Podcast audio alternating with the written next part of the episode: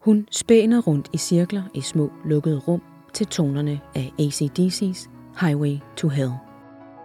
Hun har udsigt til en millionby, men hun kan hverken dufte eller indånde den, for vinduerne er forsejlet og kan ikke åbnes. Ikke engang på klem.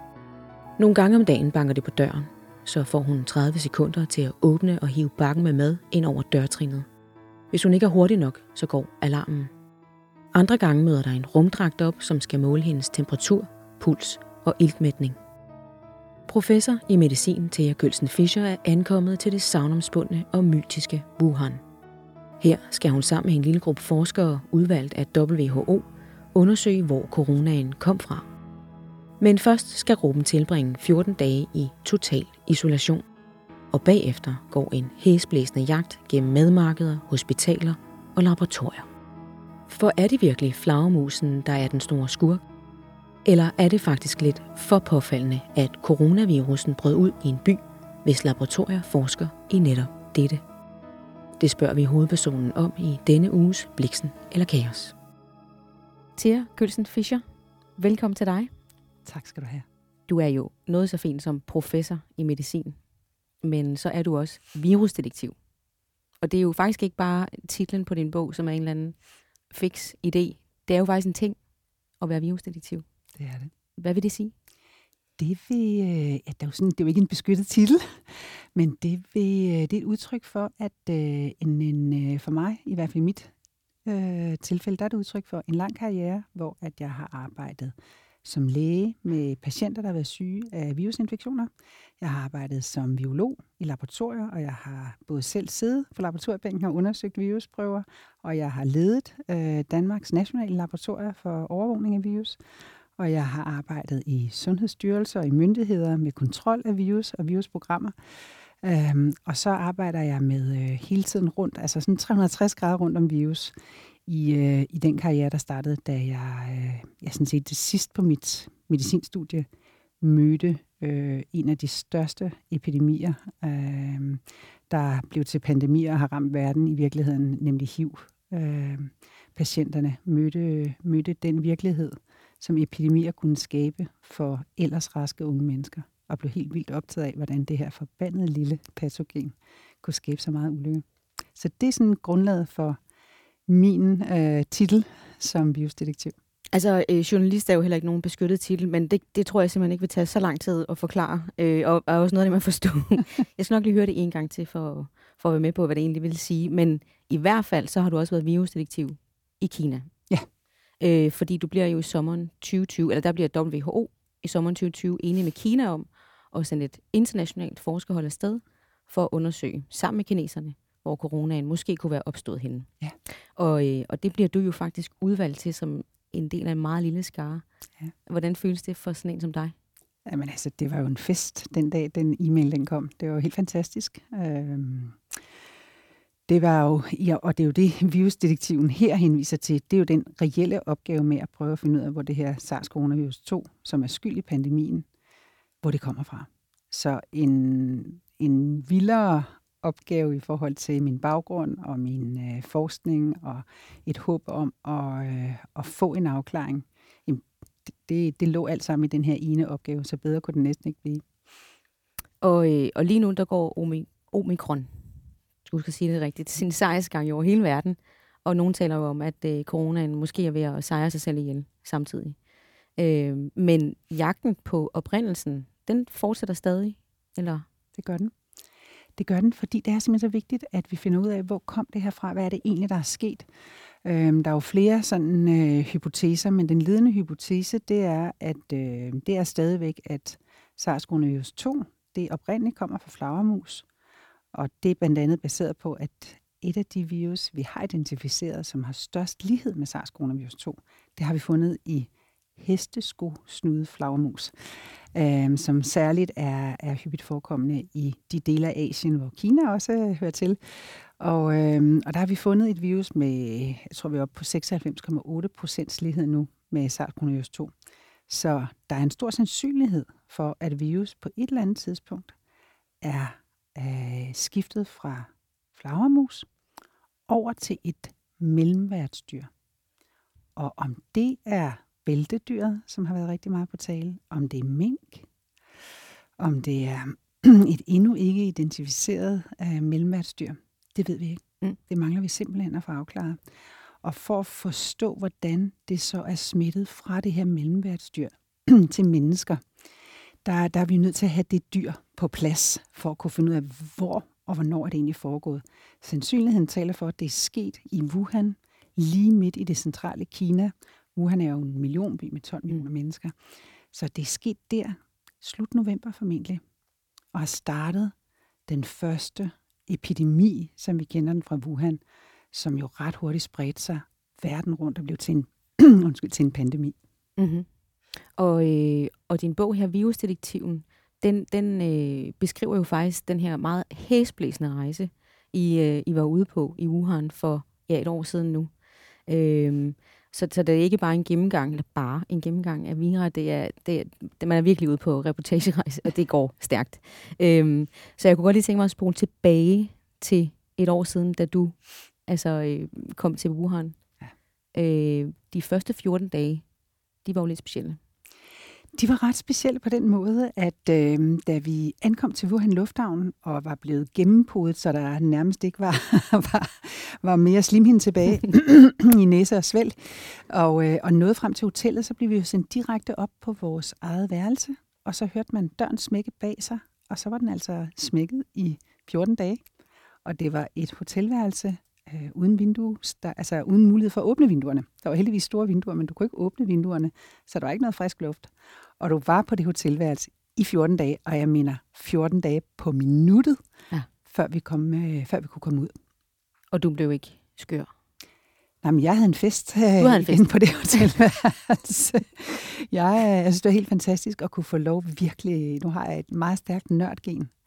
Og øh, det er jo godt som forsker, og det er også godt, kan jeg så fortælle, at man sidder i isolation i 14 dage på et hotelværelse. det her med, at man bare kan dykke ned i, ja. i det emne, der, øh, og den her opgave fuldstændig uforstyrret. I, øh, det var helt fantastisk. Ja. Og, og man kunne i hvert fald også slå fast med sikkerhed efter de 14 dage, at du havde ikke corona. Lige præcis. Ja. Det, var, det var jo så fordelen. præcis. Øhm, men øh, efter de 14 dage isolation, så får I jo så yderligere 14 dage øh, til at undersøge, til at besøge alle de her lokationer, I skal ud på. Øhm, og besøge alle de her mennesker, I skal tale med. Men hvorfor er det I kun for 14 dage? Fordi man kan næsten ikke øh, få vejret, når man læser bogen, fordi man er, altså, det går så stærkt. Ja. Altså, den præcise afmåling af perioden, det er WHO og Kina, der har forhandlet den på plads. Mm-hmm. Jeg kan bare stå inden for, at det var lige så hæsblæsende, som der også beskrevet i bogen. Ja. og de sidste flere døgn, det var ikke bare et eller to døgn, men det var flere døgn, der var der ikke meget tid til at sove heller. Nej. Det var i det hele taget ikke det, der fyldte ret meget af hele måneden, det her med søvnen, fordi der var rigtig meget arbejde, der skulle løftes. Men øh, det, det blev mindre og mindre, som øh, vi nærmede os hjemrejsen. Ja. Så var også en lille smule hængt. Der. Ja, det kan jeg virkelig godt forstå. Men I bliver jo i hvert fald sluppet ud i virkeligheden. Og noget af, eller et af de steder, som I besøger, er det nu meget verdensberømte øh, madmarked i Wuhan. Øh, vil du ikke lige prøve at tage os med tilbage til din første skridt ind på det her marked? Jo, altså vi kommer jo kørende i de her sorte biler, som var sådan den faste måde, vi blev transporteret på, sådan en lang cortege. Og så, øh, da vi nærmer os, hvor, hvor bilerne sagtner farten, og vi nærmer os målet, øh, så ser vi pludselig altså en vild menneskehob, der står klar med kameraer og mikrofoner og alt muligt. Så er vi godt klar over, at nu er vi, nu er vi fremme som spærer vejen, og der bliver dyttet, og bilerne skal vende rundt, og der er i virkeligheden lidt kaos på det her tidspunkt. Men pludselig så er der sådan nogle porte, der bliver taget til siden midt i sådan en, en mur, og så bliver portene åbnet, og så kommer bilerne så ind, og der er mange, der prøver at komme med ind sammen med bilerne, men så bliver bremset af, af en del vagter.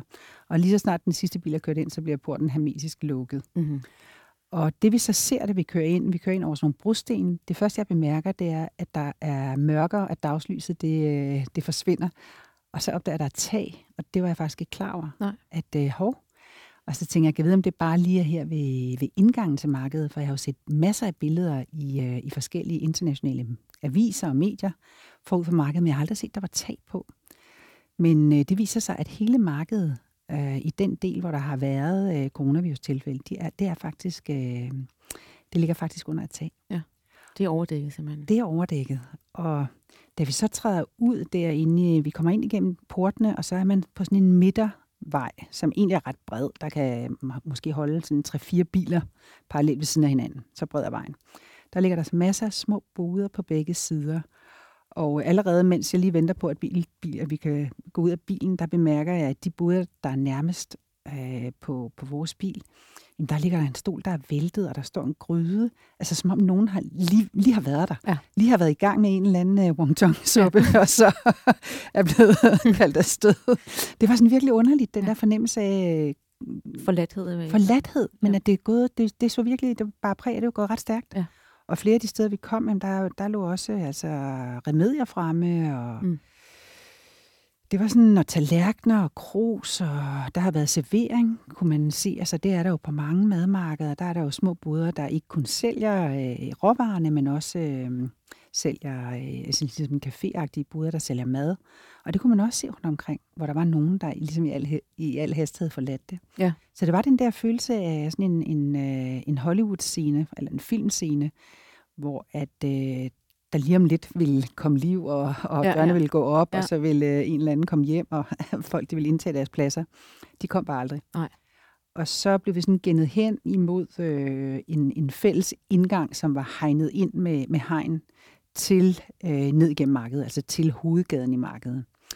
Og der kommer vi så ind, og det var en særlig oplevelse, fordi nu har jeg jo så læst så meget om det her marked, og læst alle de artikler, jeg kunne finde omkring det, så jeg prøvede at sætte mig rigtig godt ind i, hvad jeg kunne forvente at finde. Øh, så det var sådan lidt specielt det der med at være i historiens arnested, ja. hvad angår øh, epidemiens epicenter, eller pandemiens epicenter.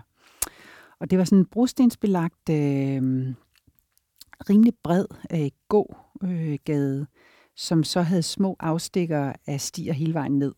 Og der lå måske en blok på en 3-4-5 boder, og så kom der en afstikker, og så 3-4-5 boder og en afstikker.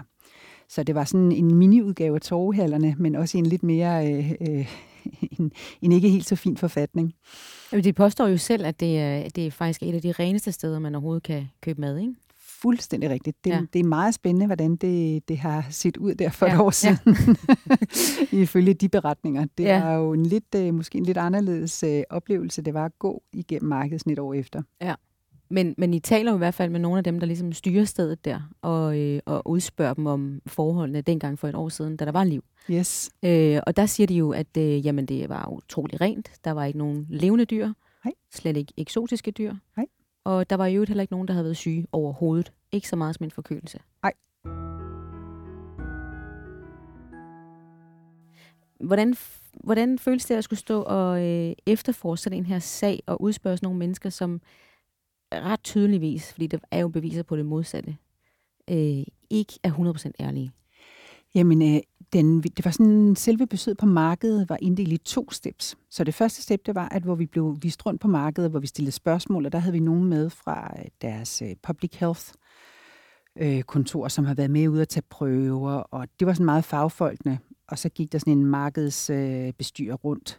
Men de her folk var også med og forklarede os, hvor de har taget prøverne. Så det handlede meget om inspektion og øh, ved observation selv at forstå, hvad, hvordan kunne man forestille sig, at det her virus var det oplagt, at det kunne have smittet meget nemt. Og lige så snart der er tag på, så man bare sige, at det med den viden, vi havde om coronavirus, også for et år siden, vi ved bare, at indendør er, trives det rigtig godt og smitter igennem luften. Så øh, det her med at se et marked ja. er sådan en øh, størrelse, der er overdækket. Det giver bare en, en rigtig god øh, forståelse for, hvordan der kan være sket meget af det her smitte. Mm. Så hvis der bare har været et tilfælde, og en person, der har nyst, jamen så ville det jo kunne hænge i luften i lang tid, fordi ventilationsskakterne, de var flere år, øh, de var stået af for flere år siden. Ja. og de var sådan defekte, og man kunne se, de viste os huller flere steder, blandt andet, hvor de har taget prøver fra, for at se, om der var flagermus. Ja. Men der er noget, altså du, du mener jo, eller I mener, at øh, man kan godt sige, at det har været en smitteforstærker. Hvis der har været, som sagt, en, der ja. er bare kommet ind, så har det jo eksploderet. Ja. Øh, eller haft gode muligheder for at eksplodere. Absolut. Men man kan ikke sige entydigt, at den er opstået her. Der er ingen tvivl om, fordi nogle af de allerførste tilfælde, de har tilknytning til markedet. Og de tilfælde, der ikke har, det var jo det, der ligesom blev begrundet for, at det har ikke noget med markedet at gøre, fordi der også var en del af de tidlige tilfælde, der ikke havde kontakt til markedet. Ja. Men med den viden, vi har i dag, hvor vi ved, at mange tilfælde er enten milde eller asymptomatiske, så kan der jo sagtens have været øh, et mellemled, Ja. som har haft et mildt forløb og aldrig nogensinde er blevet opdaget, som har smittet den næste person, som er blevet alvorligt syg, men som ikke derfor selv har tilknytning til markedet. Ja. Så der er faktisk en logisk forklaring på, hvorfor smittekæderne ikke hænger sammen, alle sammen i forhold til markedet tidligt. Ja. Men hvorfor vi ser den her eksplosion meget hurtigt, og hvor markedet helt sikkert har spillet en rolle. Og det Mhm. kan vi se både på antal syge, der er rapporteret fra markedet, øh, blandt indlagte patienter. Det er jo dem, vi har som vores første cases. Det er Ja. jo kun de indlagte patienter, der var alvorligt syge, skal vi huske. Ja. Og blandt dem var der mange, der havde tilknytning til markedet. Og mange af de patienter i øvrigt, der bliver indlagt i starten, det er præcis det her, den her bydel, hvor markedet ligger. Ja. Det er tre hospitaler, vi også var ude at besøge, som alle sammen er involveret. Ja. Og de lå lige og, altså tæt på markedet. Og så øh, undersøgte de jo også en anden teori, som, eller det vil sige, det gjorde I ikke, men I besøgte øh, Wuhan Institute of Virology, som jo har været altså også verdensberømt nu. Det må man sige. Øh, Berømt eller berygtet? Ja, ja berømt og berygtet. Ja. Øh, især i amerikanske sammenhæng, men der er i hvert fald en meget stærk teori om det her lab leak, at Ja. det på en eller anden måde er sluppet ud derfra. Øh, men det, det havde I jo ikke mulighed for at undersøge, for det kræver nogle særlige omstændigheder for faktisk at undersøge det. Ja. Men, men hvis du skal vurdere, hvor sandsynligt er det? Altså, det er jo, det er jo et sted, hvor øh, der ligger også et andet øh, institut ved siden af. der er faktisk er meget interessant, som Ja. ja. ligger klods op ad markedet. Ja. Stort laboratorium. Det, det gør der nemlig. Det var meget mystisk, synes jeg. Den statistiske sandsynlighed for, at man har et laboratorium, der er back-to-back til det marked, hvor vi mener, der, der har spillet en vis rolle, den er, den er jo meget, meget lille, hvis man ser på, hvad er sandsynligheden for, at den er tilfældig. Ja. øhm, og så Wuhan øh, laboratoriet, det ligger sådan cirka 20 km udenfor, altså Wuhan Institute of Virology, det ligger cirka 20 km uden for Wuhan. Men det, der er særligt for det laboratorium, det er jo, at det er specialiseret i at arbejde med coronavirus fra flagmus. Præcis. Øh, men det sted, altså Institute of Virology, det er jo topsikret, og I har, altså, I har været inde og kigget omkring, og det er måske ikke herfra, der kunne være sket noget. det var i hvert fald ikke, altså nu er der ingen af os øh, på holdet, der havde forventet, at vi kom ud og fandt en laboratoriejakke, der hang med en lomme fuld af reagensglas. Nej, vi så det kunne havde- ellers være fedt. Det kunne have været så Ja. fedt. Eller en skraldespand, der stod åben med en eller anden flagmusevinge, der hang sådan kvæstet ud over kanten, og hvor det hele det var startet. Ja. Det havde jo været en drøm, eller et ja. hul i væggen, eller et eller andet. Det var jo i virkeligheden, så var det, det var slet ikke handlet af med Kina og WHO, at vi skulle besøge det laboratorium. Okay. Der var ikke nogen aftale om, at vi overhovedet skulle ud og se det her, før vi kom. Nej. Så det var faktisk en længere forhandling, men vi fik til slut lov til at besøge alle de destinationer, vi selv ønskede og havde valgt. Og det her, det var et af dem. Og også fordi ingen af os synes, at det var rimeligt at tage ud på den her opgave, gennemgå alle de her data, vi skulle gennemgå, og alle datapunkterne, men ikke at besøge det her laboratorium, og i det mindste få et indtryk af, hvad er det egentlig for en forskning, der er foregået, og gøre verden bare en lille smule klogere med sådan mere objektivt øh, indblik i det, end, øh, end bare at, at lade det være. Ja. Fordi det er helt klart laboratoriehypotesen, at det er skabt, det her virus, det er skabt på et laboratorium, og det er slå, enten sluppet ud ved et uheld eller med vilje. Mm. Det, er, det har jo fyldt rigtig meget i, øh, i retorikken omkring hele pandemien, lige fra starten af, og særligt i amerikanske, den tidligere præsidents udmeldinger. Så, og det er så vigtigt at få afklaret, fordi hvis det nu var sådan, det er alt, alt for vigtigt til ikke at finde ud af det. Ja. Tænk engang, hvis det var menneskeskabt. Det er jo, altså, pandemien er en katastrofe i sig selv, men det vil bare lige gange dimensionerne ja. voldsomt op. Så vores besøg på laboratoriet var ikke med en intention og en forventning om, at vi ville finde the smoking gun.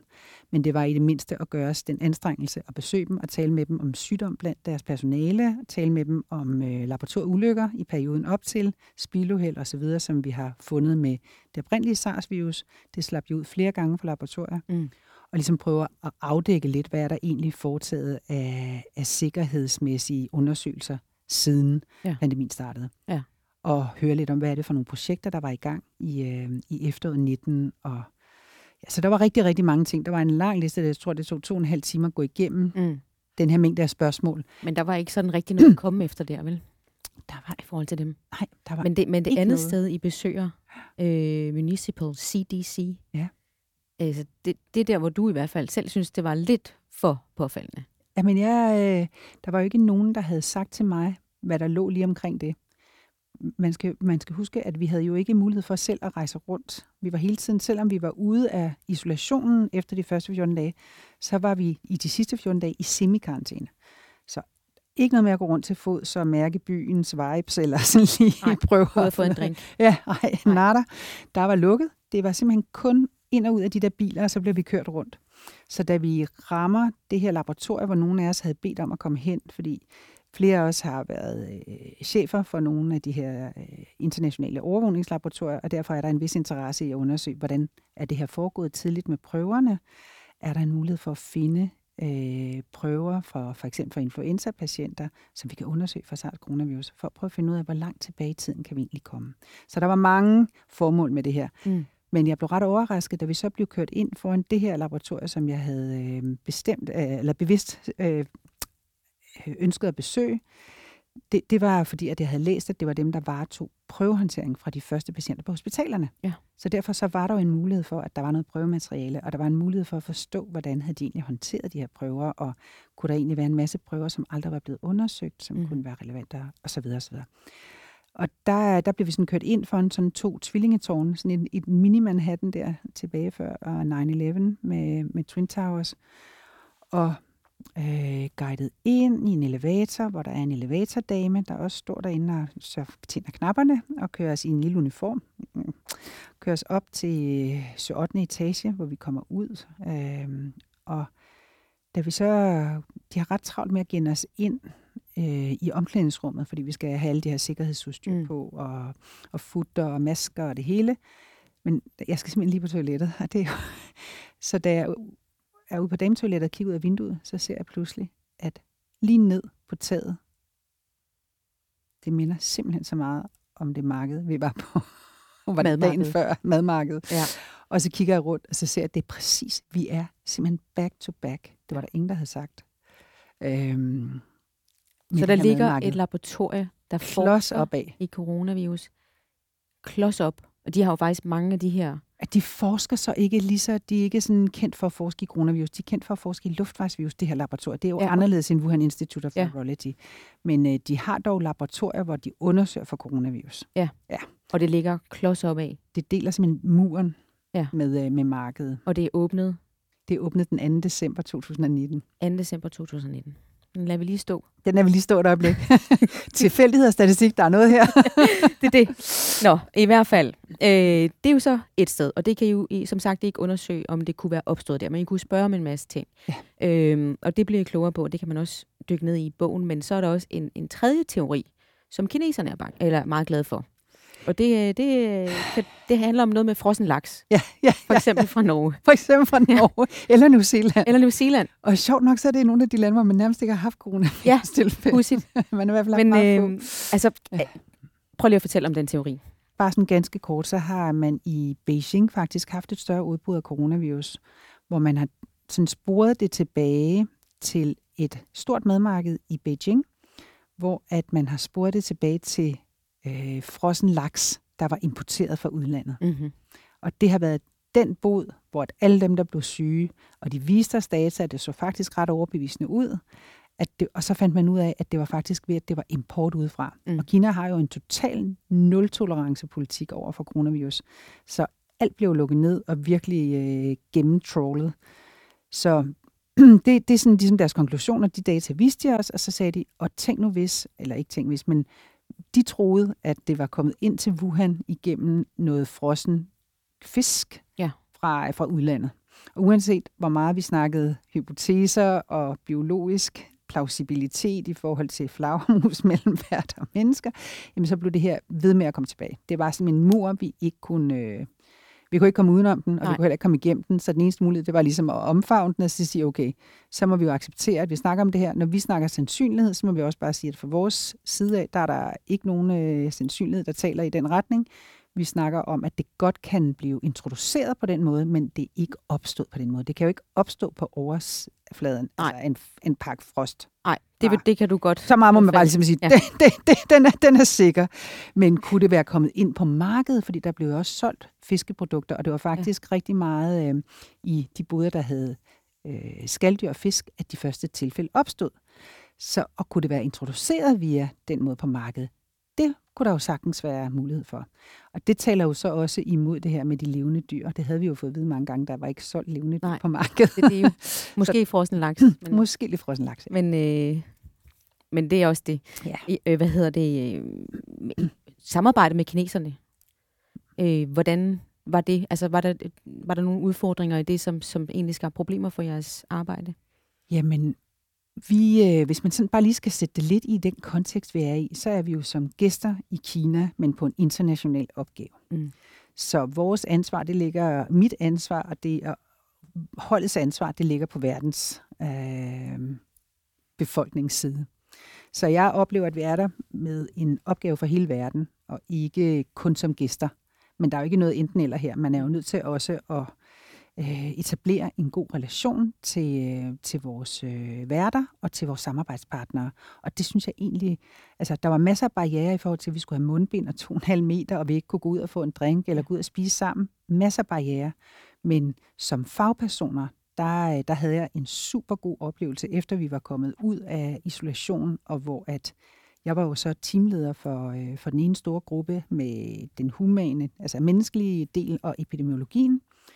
Øhm, og der skiftede kineserne teamleder, øh, og der blev sat en virkelig skarp epidemiolog, en kvindelig epidemiolog øh, på fra deres side, og vi havde bare en rigtig, rigtig god dynamik.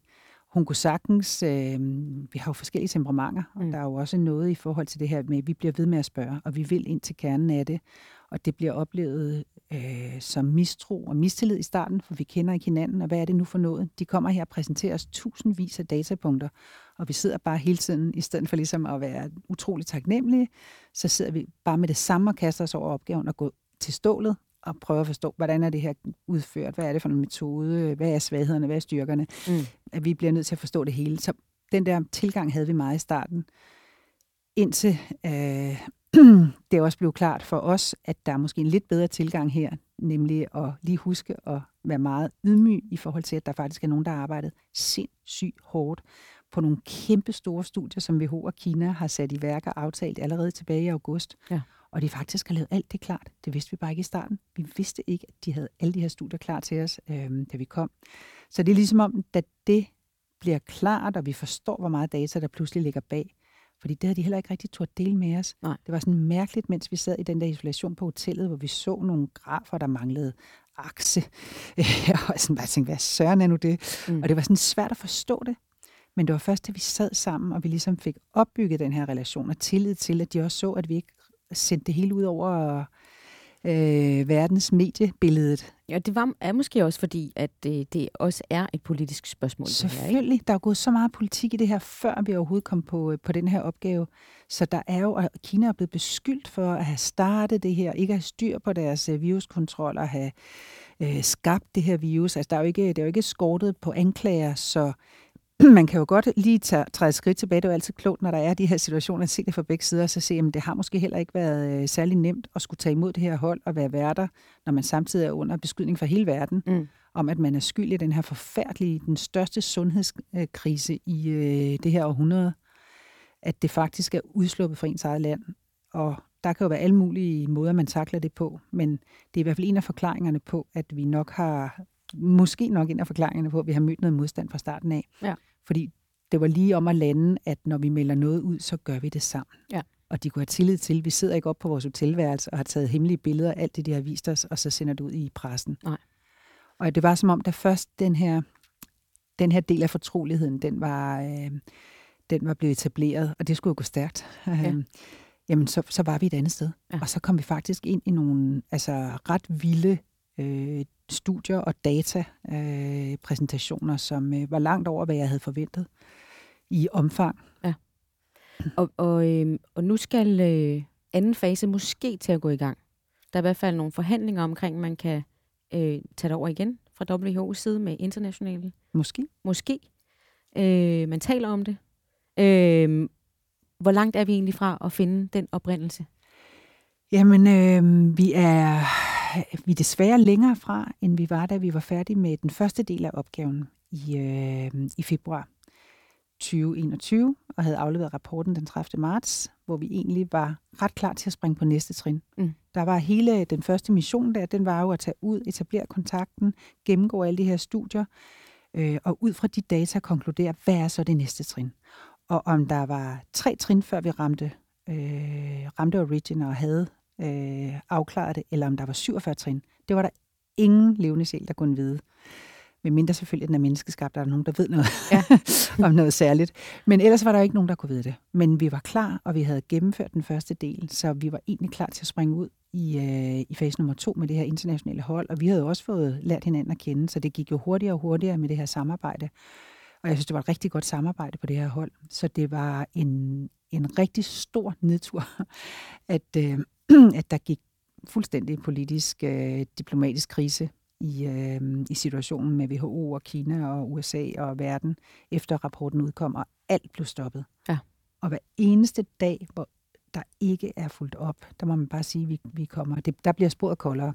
Og selvom at det, det som sagt, der er ikke nogen smoking gun afsløring i din bog, men det er til gengæld en virkelig, virkelig spændende og hæsblæsende rejse igennem Kina. Bogen hedder Virusdetektiven, og øh, alle bør ligesom unde sig selv, synes jeg, og læse den. Tia Kirsten Fischer, tak fordi du kom. Tak, det har været en fornøjelse. Du har lyttet til Bliksen eller Kaos. Producer var Peter Lindskov Pedersen, og mit navn er Michelle Tubæk Gram. Tak fordi du lyttede med.